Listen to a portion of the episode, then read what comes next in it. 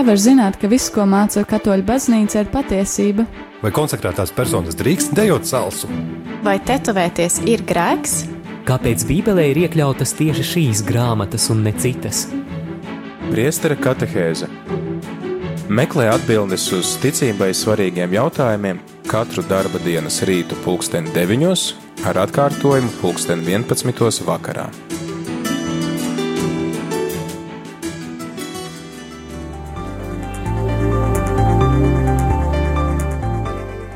Slavēts Jēzus Kristus, rādījumā arī Latvijas klausītāji, ir 9 un 2 minūtes ar tevi ētrās mēs priestris Pēteris Skudra, un laiks rīta katehēzē, rīta sarunai par mums ikdienas ticības gaitām svarīgiem un aktuāliem tematiem. Mums šobrīd gan sakarā ar pāvesta vizīti, gan arī ar gaidāmajiem notikumiem. Šis katehēžu cikls ir mazliet izjaukts, jo bijām pirms pāvesta vizītes iesākuši lasīt pāvesta Franciska apustulisko pamudinājumu par svētumu, par svētumu ikdienā, par svētumu pasaulē, ka mēs katrs esam aicināti būt svēti un, jā, iet uz šo pilnības ceļu, uz kuru mūs aicina Dievs. Un šodien tad arī mēs vēl neķersimies klāt šīm, turpināt šīs katehēzes, jo šodien baznīcā ir kāds sākās kāds ļoti svarīgs notikums. Visas baznīcas uzmanība tam ir pievērsta, un tā ir bīskapu sinode Romā, kas sākas šodien un ilgs līdz pat 28 oktobrim tāds uh, apjomīgs darbs paredzēts. Iepriekšējā bīskapu sinode notika pirms trim gadiem, un uh, šī sinodes auglis bija uh, dokuments Amoris Leticija, ko pāvests uzrakstīja par uh, mīlestību ģimenēs, jo šī sinode bija veltīta ģimenēm. Tad uh, šoreiz sinode veltīta uh, jauniešiem, jauniešiem baznīcā, jauniešiem sabiedrībā un to, kā baznīca kā pasauli var iet palīgā jauniešiem viņu uh, izaicinājumos un palīdzēt viņus arī pavadīt viņu ticības un aicinājumu izvēles ceļā. Šodien es arī nebūšu viens pats šajā katehēzē, kopā ar mani šeit ir arī Svētā Jēkab katedrāles diakons Gunārs. Esmu priecīgs būt šeit un kopā ar klausītājiem. Brīnišķīgi. Uh, prieks arī jūs dzirdēt mūsu ēterā. Kāds laiks viņš pagājis kopš pēdējās reizes? Jā, diezgan pasen. Cerams, ka tā intensitāte varbūt būs biežāka. Jums arī um, ir liela daļa jūsu aicinājumu saistīta ar katehēzēm un ar uh, ticību un, un uh, tiksim, tā ir tāda ticības uh, meklējumiem un arī aicinājumu atpazīšanu. Daudz cilvēki ir gājuši cauri jūsu svētdienas skolai un uh, daudz arī to izmanto kā tādu um, nu, var teikt, jau brendu. Viņi saka, nu, es esmu bijis pie diakona Gunāra uz katehēzi, tad, tad tur vairs jautājumu nav. Tad tas, tad, tad tur, nu, jā, cilvēkiem ir skaidrs, ka tur ir bijusi ļoti pamatīga apmācība. Kā jūs raugāties uz šo sinodi, kas, kas tūdaļ, tūdaļ sāksies? Um, tiks uzdot jautājumi, bīskapi meklēs atbildes par jauniešiem, par ticību, tiksim tā, pavadīšanu šajā ticības ceļā, pavadīšanu arī izvērtējot uh, un iepazīto, iepazīstot savu aicinājumu, kāda ir jūsu līdzinājā pieredze šajā jomā. Man liekas, tiešām esmu arī tā iepriecināts, ka notiks tieši šāda sinode, kur arī tieši par šo jauniešu jautājumu tiks risināt. Vēlāk iepazīstoties noteikti ar šīs sinodas materiāliem, varētu teikt, ka šis mēnesis, un klausoties arī kādi jautājumi tiek uzdot, kādas lietas tiek risināts, tā būs jau pirmām kārtām svētdienas skola priekš manis paša, lai paskatītos arī uz tiem visiem gadiem, kopš jau pagājuši ir tik ilgstošs laiks, kopš katedrālē ir viena no tādām, varētu teikt, senākajām svētdienas skolām 30 gadi jau ir. Un e, tad e, tas jau arī būs arī, kad varēs arī pārdomāt, gan arī man kā garīdzniekam, gan arī svētdienas skolotājiem tā tālāk, kā labāk šo kontaktu dibināt arī ar svētdienas skolniekiem, ar jauniešiem, ar, ar arī vecākās paudzes e, dalībniekiem, jo svētdienas skolā nāk arī ne tikai jaunieši, bet nāk dažādi, sākot jau vidusskolnieki, tad, tad jaunieši, tad arī vecākā paudze. Tas ir ļoti labi, ka šis kontakts, kā arī pirmajās kristiešu kopienās, var notikt. Un es domāju, ka par šiem jautājumiem Bīskaps sinodē noteikti tiks daudz runāts un par mūsdienu e, pasaules uztver arī ticības lietās un pārējo. Tā, tas varu teikt, tā gandrīz tāda vesela mēneša uzsākās svētdienas skola arī priekš manis personīgi. Es domāju, tas ir arī uh, liels izaicinājums uh, vispār aizsniegt to jaunieti, pirms vēl viņš vispār atnāk uz to katehēzi. Jā, noteikti, tāpēc, kad jau kādā veidā, bet nu, tā aizsniegšana domāju, vienmēr eh, pret jaunieti arī var būt tā, ka vienkārši meklēt ar viņu tīri cilvēcisku kontaktu. Nekādām jau līdz sākt pārdabiskām lietām un pamācībām, un, jo tā jau diezgan atturīgi ir, bet mm, vienkārši elementāra lieta varbūt kaut vai pie tas stējas, esot kopā.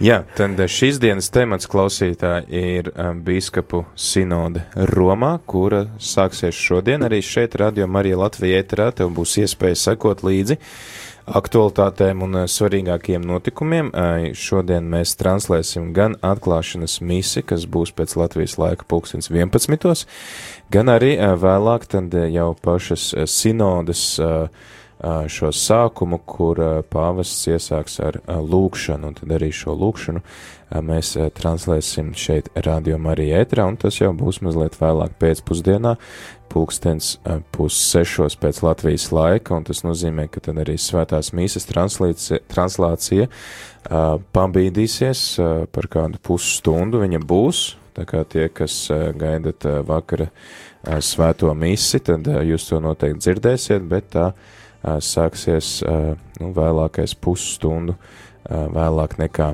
ierasts.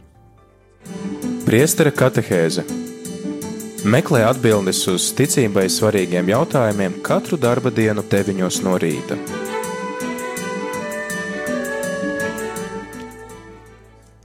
Deviņos no rīta priestera katehēze Ar tevi ēterās mēs priestris Pēteris un kopā ar mani šoreiz arī diekons Gunārs un šodien runājam par bīskapu sinodi Romā, kas sākas jau šodien un kurā starp citu arī ir Latvijas pārstāvis, Latviju pārstāv arhibīskaps Zbigņevs Stankēvičs, un šis būs ļoti, ļoti intensīvs laiks gan bīskapiem, gan arī dažādu jomu ekspertiem, kas ir devušies uz Romu. Daudziem bīskapiem ir arī līdzi viņu līdzstrādnieki, kas darbojās tieši jauniešu pastorālajā darbā, un arī paši jaunieši ir izvēlēti, ir oficiālā delegācija 32 jaunieši no visas pasaules, kuri tad arī ņems dalību diskusijās, sarunās un uh, Uh, meklēs atbildes uz jautājumiem, ko uzdod šī sinode. Bet vispirms tad uh, par sinodi. Kas vispār ir uh, sinode? Diekon Gunār, jūs zinat, kas ir sinode un ko tur dara? Nu, laikam jau tev būs daudz profesionālāk atbildi. ja sinodas, uh, tāds um, regulāras bīskapu sinodas, tādas kāds tās ir šobrīd, mums ir kopš Vatikāna otrā koncila laikiem, kad Pāvils VI aicināja biskupus sanākt ik pa laikam kopā, lai apspriestu kādus baznīcai svarīgus jautājumus konkrētajā laikā, konkrētajā, kas ir kaut kāda arī konkrēti izaicinājumi tieši tajā brīdī, un tad arī šie bīskapi, kas sapulcējās un eksperti, tad visi kopā lemj kā uz šiem um, kā uz šiem jautājumiem reaģēt un kā uz tiem atbildēt, kāda ir tā evaņģēlija atbildes šodien, eh, mūsdienu pasaulē, mūsdienu situācijā. Tāpēc arī uh, ir izvēlēts šis vārds sinode, kas uh, nāk no grieķu vārda, kas runā tieši par šo kopīgo iešanu un kopīgo uh, skatīšanos vienā uh, mirzi, virzienā, tāda sanākšana kopā un uh, iešana, tā šī ceļa veikšana uh, kopīgiem spēkiem. Un tad ir ierastā kārtība, ka šīs sinodas notiek ik pēc trim gadiem, bet pāvesti arī var sasaukt ārkārtas sinodas. Tādas mums ir bijušas um, vēsturē kopš 1969. gada trīs. Uh, pēdējā bija 2014. gadā, kad pāvests Francisks sasauca ārkārtējo sinodi par uh, ģimenēm, kura pēc tam arī turpinājās vēl 15. gadā. Tad um, divas sinodas pēc kārtas veltītas uh, ģimenes jautājumiem. Un kopš uh, 1967. gada ir bijušas pavisam, ieskaitot arī šo sinodi par jauniešiem ticību un aicinājumu izšķiršanu, 15 uh, regulārās sinodas, tātad 3 ārkārtējās, pavisam kopā 18 sinodas. Un visbiežāk arī pēc sinodas seko Katra sinoda noslēdzās tātad ar kaut kādu, ar kaut kādiem secinājumiem, ar kaut kādu slēdzienu no bīskapu puses, ko viņi prezentē pāvestam, kā tādu savu uh, risinājumu vai savu skatījumu uz uh, šiem jautājumiem. Tad pāvests uh, šos ieteikumus ņem vērā, tos izvērtē, un visbiežāk tad arī viņš nāk klajā ar kādu dokumentu, kādu apustulisku pamudinājumu, uh, kurā tad arī uzrunā visus ticīgos, un tā, piemēram, iepriekšējā sinode noslēdzās ar pāvesta Franciska šo dokumentu par mīlestību ģimenē, Amoris Leticija, mīlestības līksme, tad 2012. gadā bija regulārā sinode par jauno evanģelizāciju un kristīgās ticības tālāk nodošanu, un tā tika kā, apkopot, un uh, pāvests tad arī uz to reaģēja ar savu dokumentu evaņģēlija prieks. Ceru, ka jūs jau klausītāji šo dokumentu esat izlasījuši. Ja nē, tad varu atgādināt, ka pulkstens 11.30 rādījumā arī Latvijā ēterā skan uh, šī dokumenta ieraksts. Paldies arī mūsu brīvprātīgai Guntai, kas tad arī ielasa šo dokumentu un palīdz mums tajā iedziļināties un to pārdomāt. Piemēram, pēc 2008. gada um, sinodes par Dieva vārdu un uh, baznīcas dzīvi un misiju uh, sekoja Benedikta 16. Uh, dokuments Verbum Domini par uh, Dieva vārdu, kunga vārds, un uh, tad arī mēs uh, varam skatīties atpakaļ, citas sinodes ir gan par lāju aicinājumu, un pēc tam ir brīnišķīgs dokuments izdots Kristi Fidelis Laiči vai um, Kristumticīgie laji. To izdeva Jānis Pāvils II, uh, ir arī par konsekrēto dzīvi, par uh, bīskapu un priesteru aicinājumu, par uh, grēksūdzi un tā tālāk, tā tālāk arī par uh, ģimeni. Uh, 2015. gadā šī nebija pirmā sinode par ģimeni, arī 1980. gadā Pāvests Jānis Pāvils II bija sasaucis sinodi par kristīgo ģimeni, kas arī tad rezultējās ar pāvesta Jāņa Pāvila otrā dokumentu familiāris konsorcio. Man šķiet, ka arī pieejams latviešu valodā. Tālūk, tad mēs varam nedaudz ieskatīties vēsturē, ka šīs sinodes nav vienkārši tāda papļāpāšana, kurā bīskapi sanāk kopā, bet tā arī tiešām ir kaut kāda reāla darbība, kas arī dod konkrētas vadlīnijas tālāk visai baznīcai, kā kuras ņemot vērā mēs varam iet tad vienā ritmā, visi uz vienu mērķi. Un šobrīd tad mēs varam visi, tā teikt, elpot vienā ritmā ar visu baznīcu, domājot par jauniešiem. Tiek un Gunār, varbūt jums kaut kas vēl piebilstams par sinodēm, jums noteikti dzīves laikā esat pieredzējis vairākas sinodas un tie augļi pēc tam kā ir jūtami. Jā, es domāju, ka tas vienmēr arī dod tādu kā apstāties arī e, e, pašiem arī ticīgajiem, un šī gadījumā tie ir arī bīskapi, un arī vēl kā tagad aicināt būs arī paši ticīgie un jaunieši, tas arī dod atkal tādu jaunu pavērsienu un dod jaunu impulsu, jo daudzreiz mēs jau varbūt tā pierodam pie daudzām lietām, un īpaši jau vēsturiski, ja mēs paskatāmies arī katrā laikmetā, tā cilvēka attieksme arī mainās, un arī tā izaugsme, jā, cilvēks pēc savas būtības jau paliek cilvēks, bet tajā pašā laikā arī šos dienas apstākļos, un tīpaši, kad jau tik ļoti daudz noriši ir, kad ir, kā jau es saku, mūsdienās tik daudz projektu, kad nemetīgie projekti un projekti un beigās, un kad tad arī šādā sinodē tomēr padomā, bet kā labāk uzrunāt arī jauniešus, kā arī katrā ziņā piekļūt arī viņiem. Un kā runāt varbūt arī tādā viņu zināmā valodā, jo citreiz daudzreiz svētdienas skolā arī esmu iemācījies daudz izteicienus, un tad tā citi brīnās, kā tad es esmu arī iemācījies tos, arī mūsdien varbūt tādā žargona valodā tas varētu būt, un tas arī tā iepriecina, ka tu vari arī kaut kā uzrunāt, bet galvenais jau ir tās pamatvērtības, un par kurām arī runās noteikti sinodē, un arī pie tām atgriezties, un, un kā labāk uzrunāt tieši jauniešus, atgriezties pie, pie šīm pamatvērtībām. Un tas jau mums, kā tā ir mūsu ticības jautājums, un tas ir Dieva vārda arī skaidrojums un tā tālāk.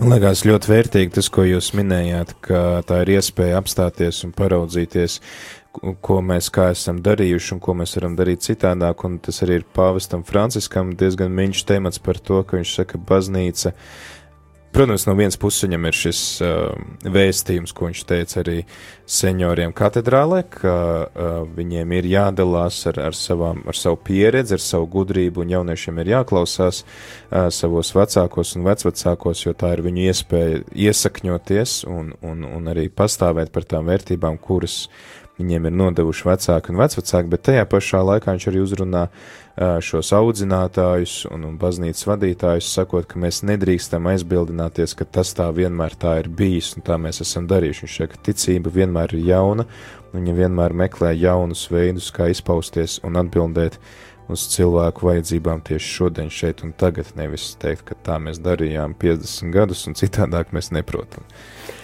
Varbūt man arī tā nāk tāda ar humoru, kad reizes svētdienas skolā uzrunājot, un es saku, vai jūs skatījāties pēdējo uh, TV United States of America X faktoru, un ka tur bija pateicības dienā, ka tur izteicās daudz tie dziedātāji, kur piedalās konkursā, un cik brīnišķīgi, kā viņi pateicās saviem vecākiem, kāpēc jūs šeit esat šeit, tāpēc, kad es gribu arī saviem vecākiem varbūt šeit uzvarot, iegūt eh, kādu arī pateicību, tīri, eh, tīri varbūt arī tīri naudas ziņā, lai viņiem palīdzētu, vai arī kādiem, vai atkal pa piemēram tur, kas ir arī kādu no šiem raidījumiem, kas ir īpaši tie gan ir Krievi, bet Golus ģeķi, un ka tur brīnies, kad iegūs viens puisis, kurš, pa, piemēram, kur viņš ir galīgs invalīds, bet iegūs pirmo vietu, un tas viņa dziedājums, viņas pārējais, un ka tu arī tā seko līdz tam un redzi, kad arī tādā veidā ienāk Dievs, tad, kad es pajautāju, bet vai jūs esat to redzējuši, tad saka, nē.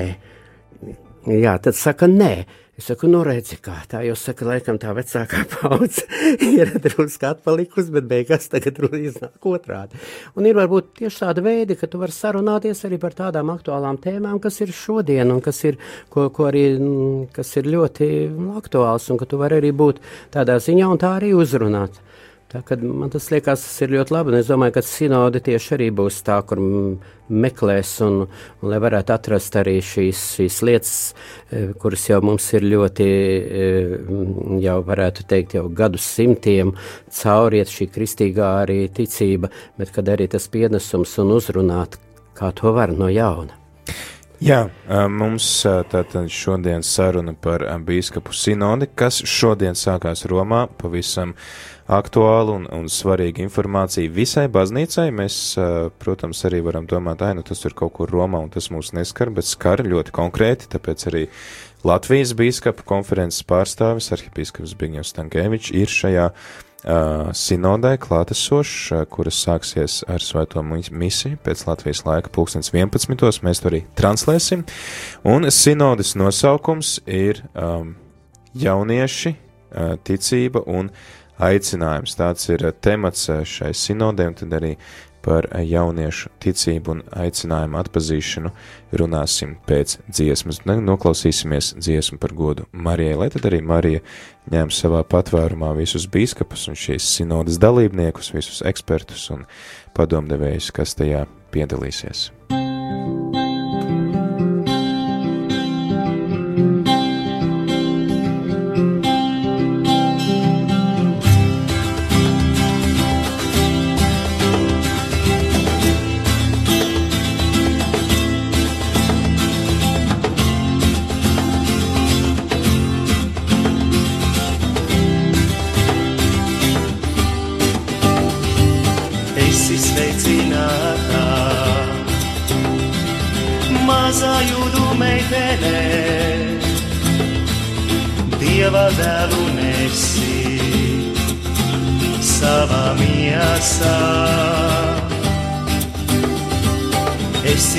sveicināta,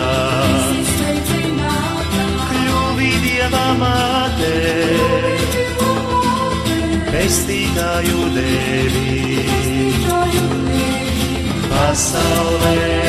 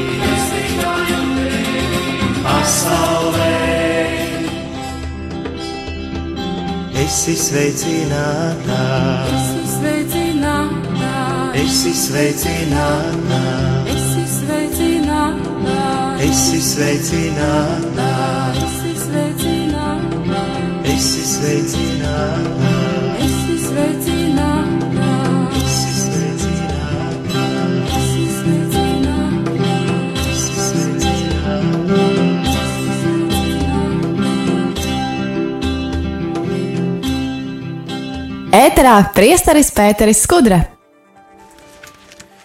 Ir 9,24 minūtes trešdienā, 3. oktobrī ar TV trīs priesteris Pēteris Skudru, un es neesmu viens, jo ar mani ir arī diekons Gunārs. Labrīt visiem, kas mūs klausāties, un šīs dienas temats ir um, bīskapu sinode. Tad mēs iepriekš pārunājām, kas ir bīskapu sinode. Tātad tas tāds um, atbalstošs uh, orgāns uh, pāvestam, ja tā var teikt, kas uh, palīdz tātad baznīcas vadīšanā, kas palīdz tad arī pieņemt lēmumus attiecībā uz kādiem svarīgiem, mūsdienās svarīgiem jautājumiem, konkrētam laikmetam svarīgiem jautājumiem. Šādas sinodas notiek kopš 1967. gada, un uh, ir bijušas gan par dieva vārdu un uh, tā sludināšanu un uh, baznīcas misiju, gan par katehēzi, gan par ģimeni, par ģimeni veselas divas reizes, tāpat arī par priesteru, par bīskapa aicinājumu, par kristiešu aicinājumu pasaulē 1980. gadā. Manuprāt, svarīgi arī sinodi, kas latviski arī ir pieejams dokuments, ko Jānis Pāvils II šīs sinodas iespējā uzrakstīja par kristiešu aicinājumu mūsdienu pasaulē. Manuprāt, ļoti vērtīgs, ļoti iedvesmojošs dokuments.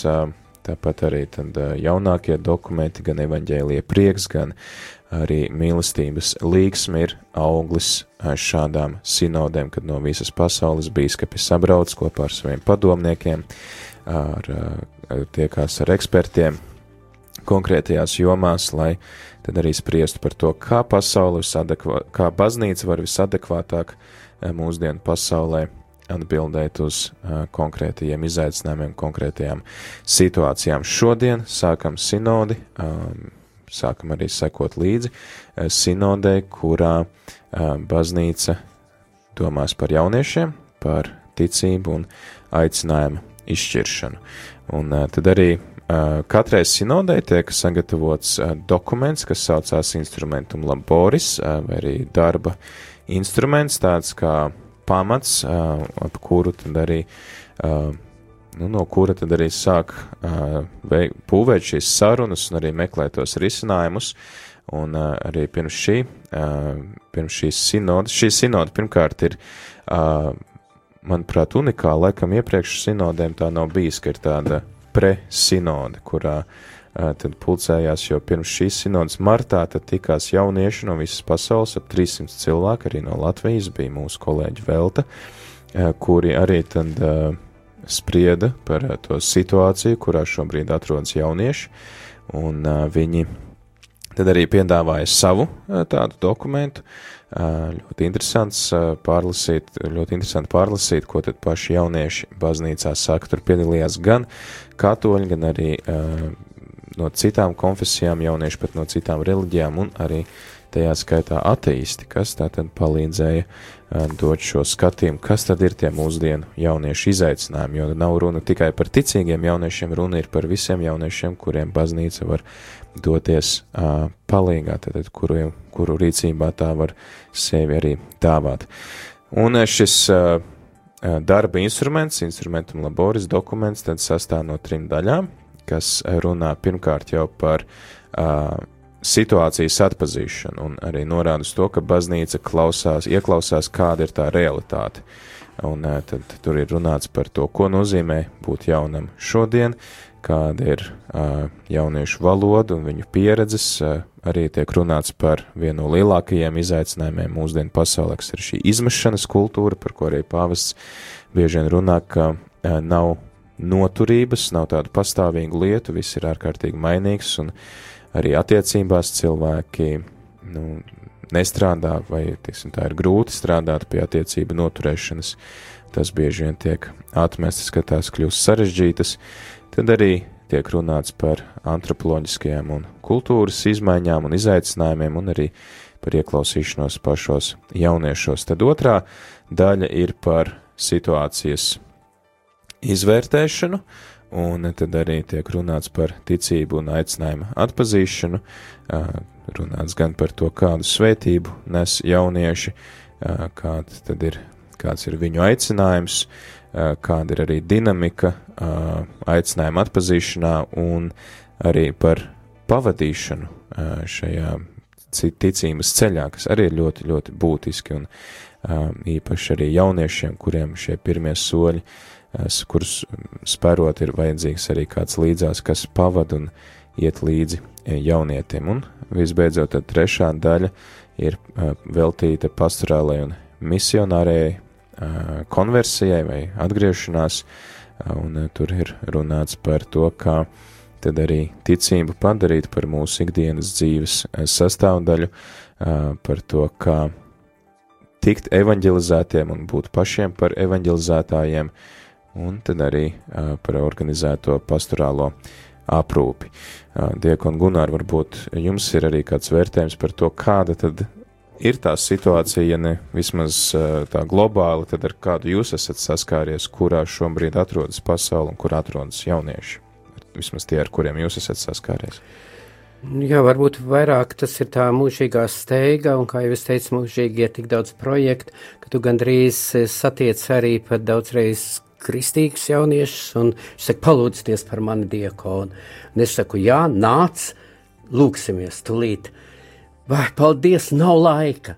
Šodien gandrīz, kad tu saki labdien, tad vienmēr nav laika. Katrā ziņā tas ir varbūt šis steigas laikmets un tik dažādi piedāvājumi Nu, katrā ziņā agrāk jau, jau tas nebija. Tagad taču ir visas, kā jūs sakat, computer sistēmas, un kā tikai nav nosaukumi. Es jau arī mācos visu, un ko var tur redzēt un ar ko sastapties.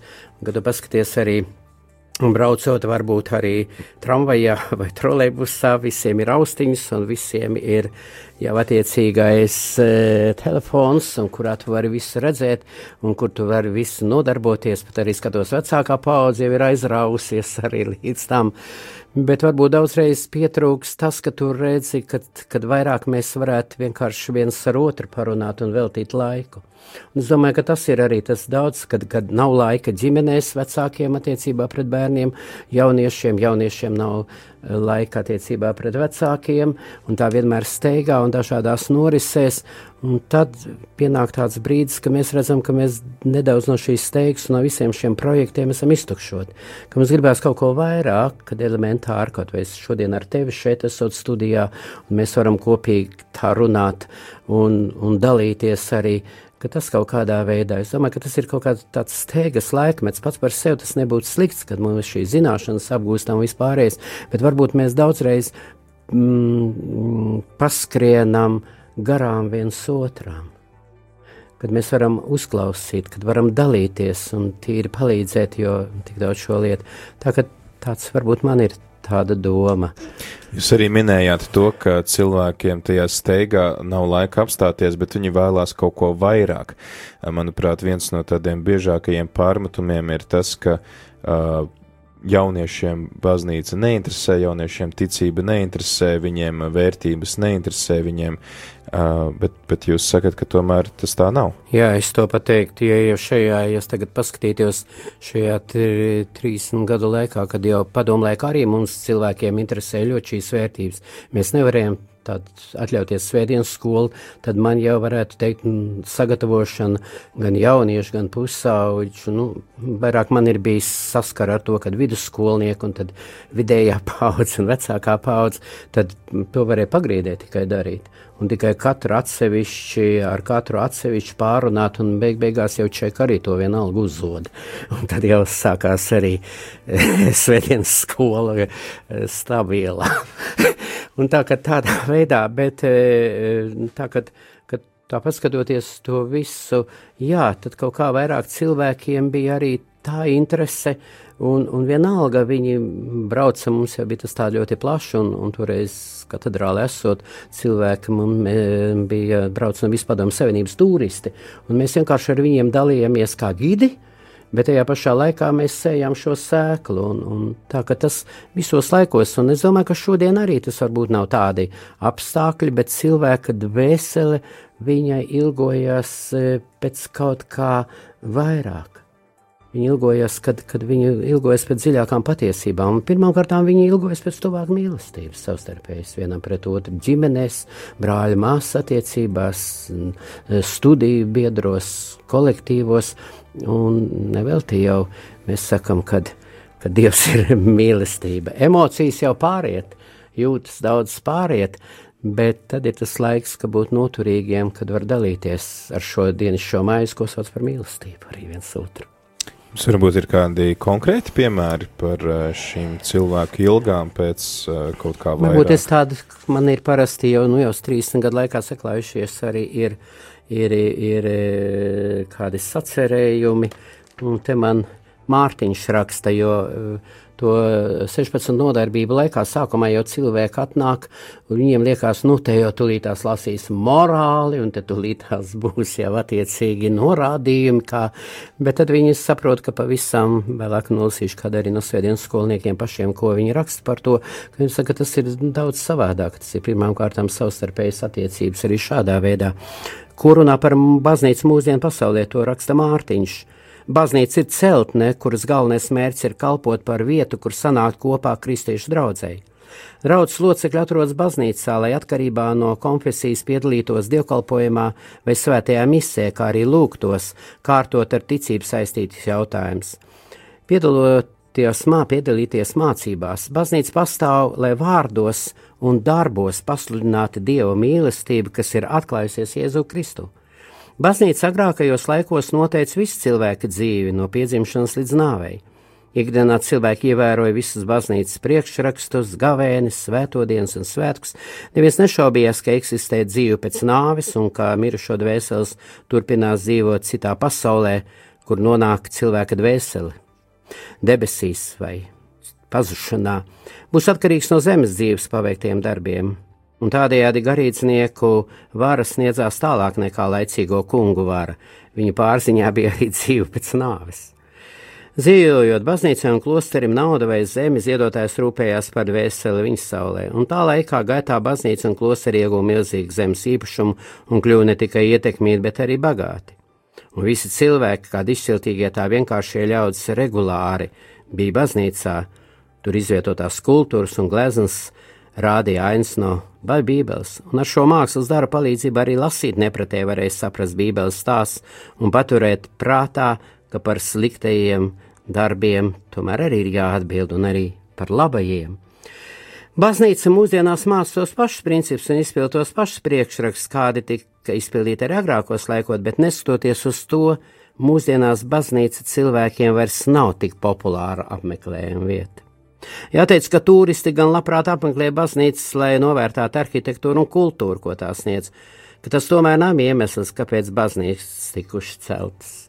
Ticība dievām un kristuma cilvēkos, diemžēl, ir mazinājusies. Ir pazudusi bība, cilvēki atrod citas aizraušanās, un visiem ir savi, te arī Mārtiņš raksta, projekti, ar kuriem nodarboties vai attaisnoties, un tādējādi tiek aizmirstas patiesas vērtības, pēc kurām būtu jādzīvo. Tāpat mūsdienās ir izteikti populāra materiālisma ticība. Baznīcas apmeklēšana divreiz gadā uz Ziemassvētkiem un Lieldienām, bet nav jau arī tā, ka baznīca ir aizmirsta pavisam. Ir arī ticīgi cilvēki, kas arī ir baznīcā, piedalās, cenšas dzīvot arī pēc kunga mācības, jo baznīcas durvis cilvēkiem ir vienmēr atvērts. Tie, kas vēlas patiesi pieņemt ticību un tiek regulāri rīkotas svētdienas skolas, kuras palīdz iejusties cilvēkiem no malas. Ceļu uz baznīcu cilvēki mūsdienās atrod dažādu apstākļu dēļ, arī ne visi uzreiz atrod ceļu pie Dieva uzreiz. Reizēm cilvēkiem ir nepieciešama divi, trīs vai pat vairāki piegājieni, lai pabeigtu arī šos rēdienas skolu. Bet pateicība ir tā, ka cilvēkiem tomēr ir vēlme atgriezties pie ticības un vēlme uz kaut ko vairāk, uz mīlestību pret Dievu un mīlestību pret saviem tuvākajiem. Lūk, viens tāds jūsu svētdienas skolas skolēns ir diezgan tā, nu, aprakstījis to situāciju, kurā šobrīd mēs esam. Jā, jau viņš pats arī dzīvo tajā, un svētdienas skolā ir tas, ka visos šajos gados sastopamies ar cilvēkiem, kuri nav nonākuši no debesīm un ieradušies tagad, lai šeit vēl sev vairāk.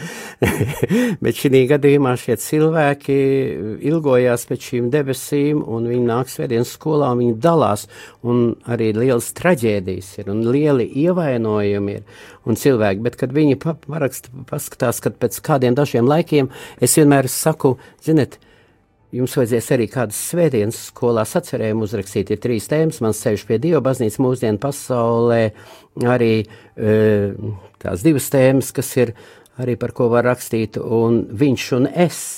Un tad e, parasti saka, daudz es, es neprotu rakstīt. Nē, es nekad neesmu rakstījis, un sacerējumu tas man bija gandrīz ļoti tāda švaka lieta. Tad es saku, pagaidiet, nepaies šīs nodarbības laiks, pāris mēnešus, un jūs kļūsiet par rakstniekiem.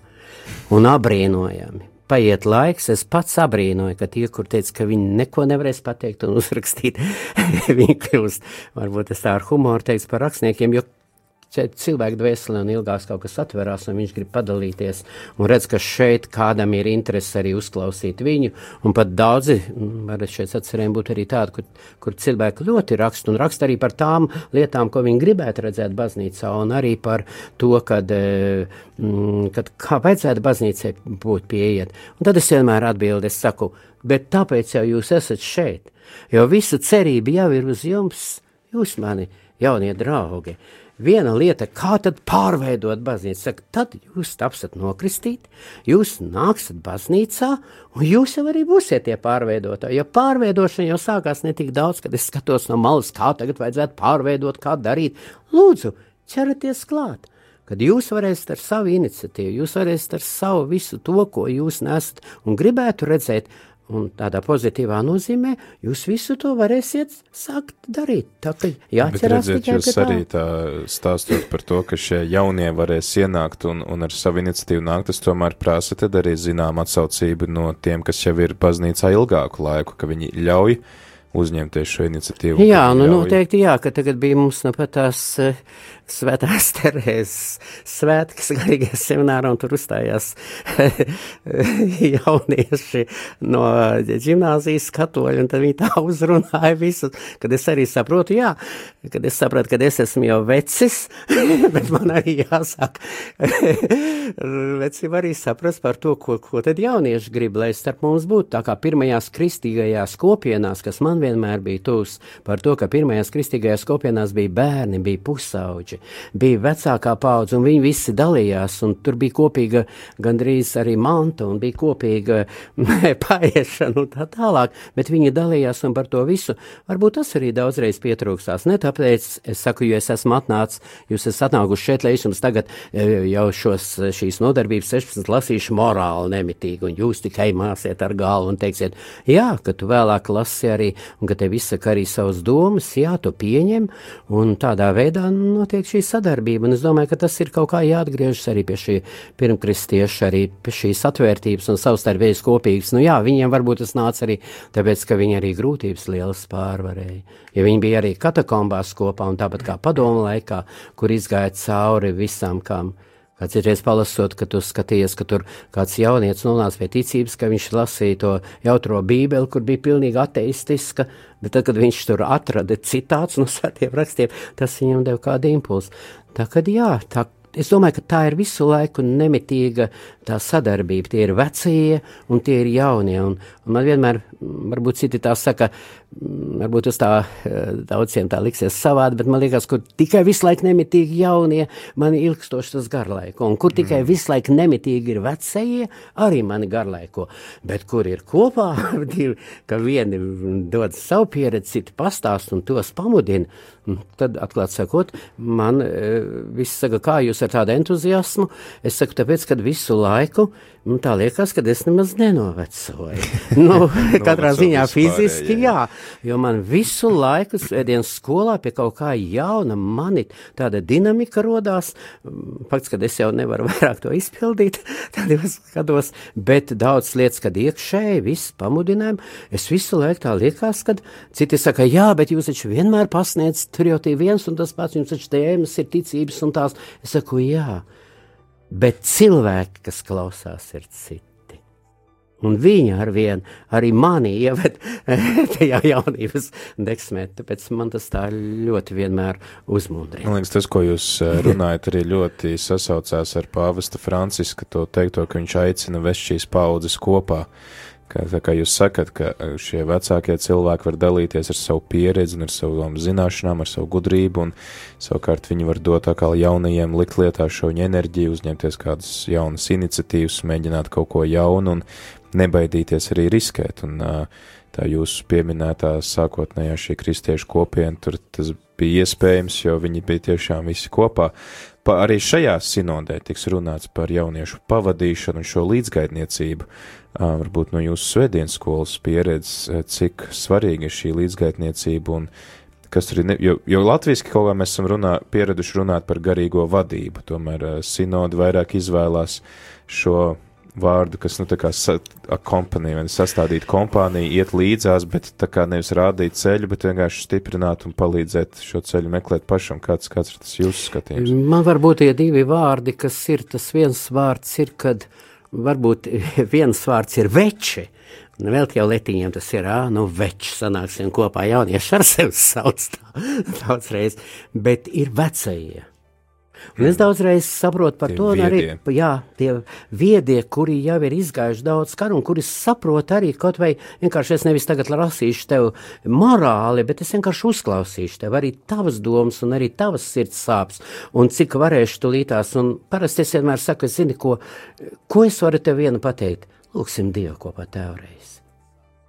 Tad, tad jau viss tas būs, un, un kādas daudz panācības. Un daudzreiz, varbūt, kā kādreiz e, saka viens no baznīcas tēviem, arī, ka daudzreiz tik daudz varbūt ne tik ļoti šajās pamācībās, kas ir vajadzīgs, bet vienkārši tu esi klātsošs un, un tu varbūt vienkārši izdzīvot un izklausīt arī šīs otras sāpes. Un tāpēc varbūt tā veču jau ir daudz.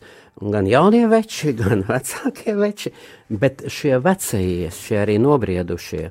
Un tāpēc es domāju, ka tas ir ļoti svarīgi arī mūsdienās šajā izpratnē.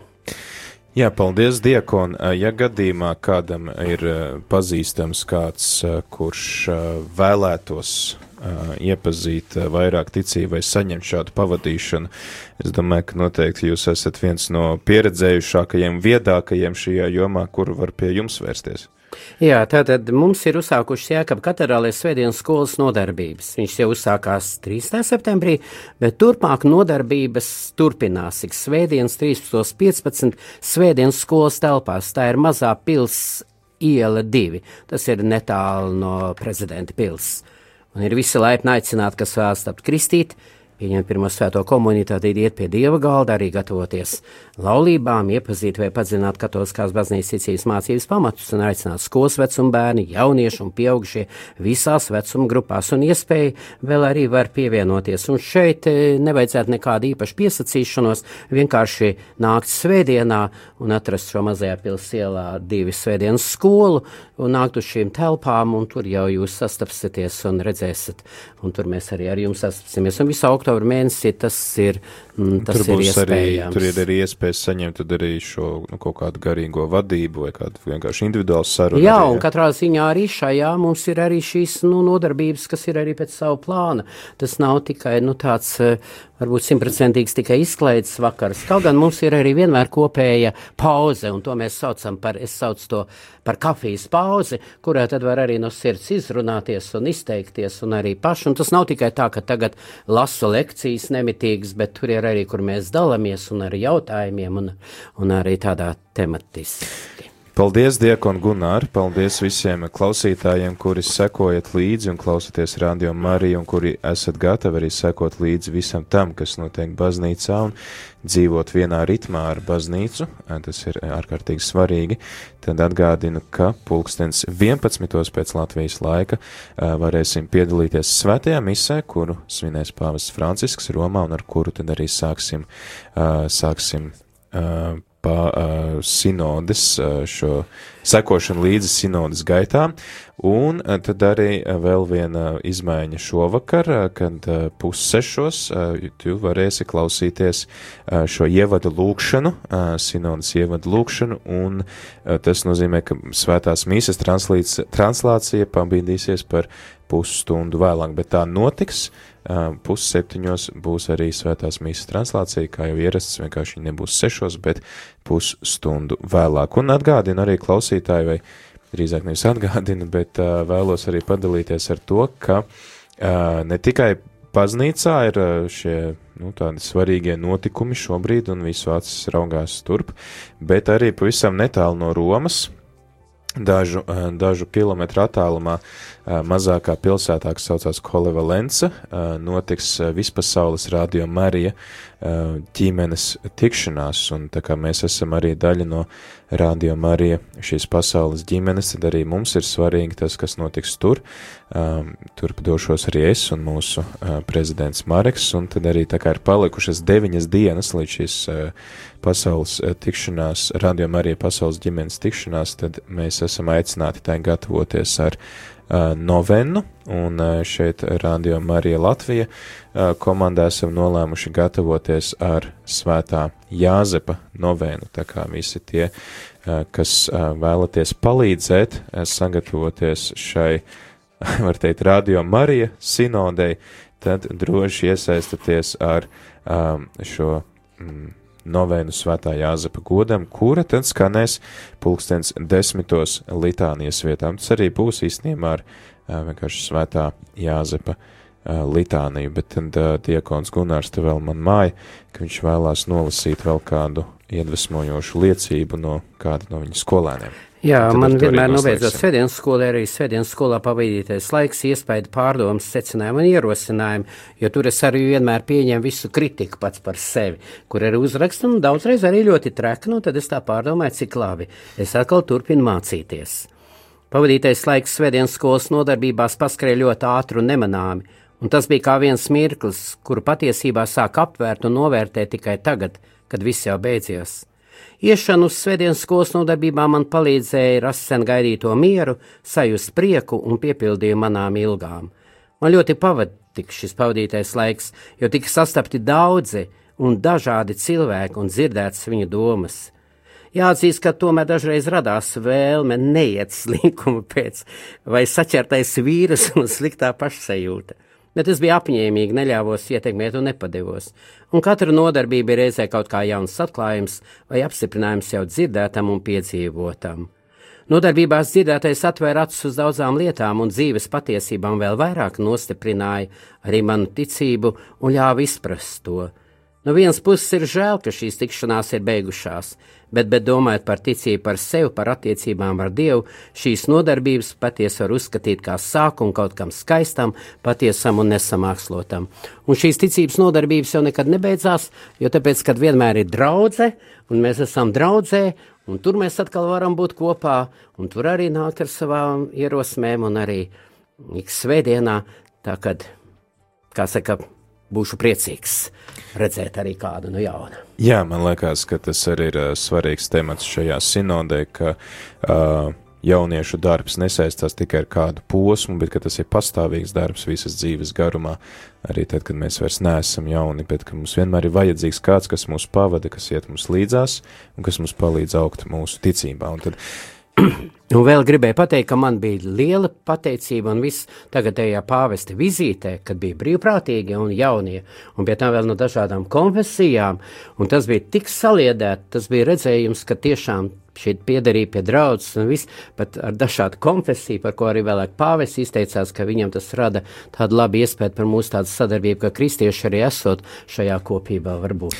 Jā, tad uh, ar to arī noslēgsim. Atgādinu klausītājs, sekojam līdzi uh, sinodē Romā, sekojam līdzi arī uh, Radio Marija pasaules ģimenes tikšanās reizē, kas arī, starp citu, notiek ik trīs gadus, un tad varam gatavoties šai pasaules ģimenes sapulcei ar uh, novēnu svētā Jāzepa godam, kas skanēs pulkstens desmitos. Tā kā esam vienoti lūkšanā, esam vienoti ar gan radio Marija ģimeni visā pasaulē, gan arī ar visu baznīcu, kur ir joprojām viena, un mēs esam tās locekļi. Paldies jums par uzmanību, paldies arī Diekonam Gunāram, un es ceru, ka a, mēs a, viņu šeit dzirdēsim biežāk nekā līdz šim. Kā var zināt, ka viss, ko māca katoļu baznīca, ir patiesība? Vai konsekrētās personas drīkst dejot salsu? Vai tetovēties ir grēks? Kāpēc Bībelē ir iekļautas tieši šīs grāmatas un ne citas? Priestera katehēze Meklē atbildes uz ticībai svarīgiem jautājumiem katru darba dienas rītu pulksten 9 ar atkārtojumu pulksten 11 vakarā.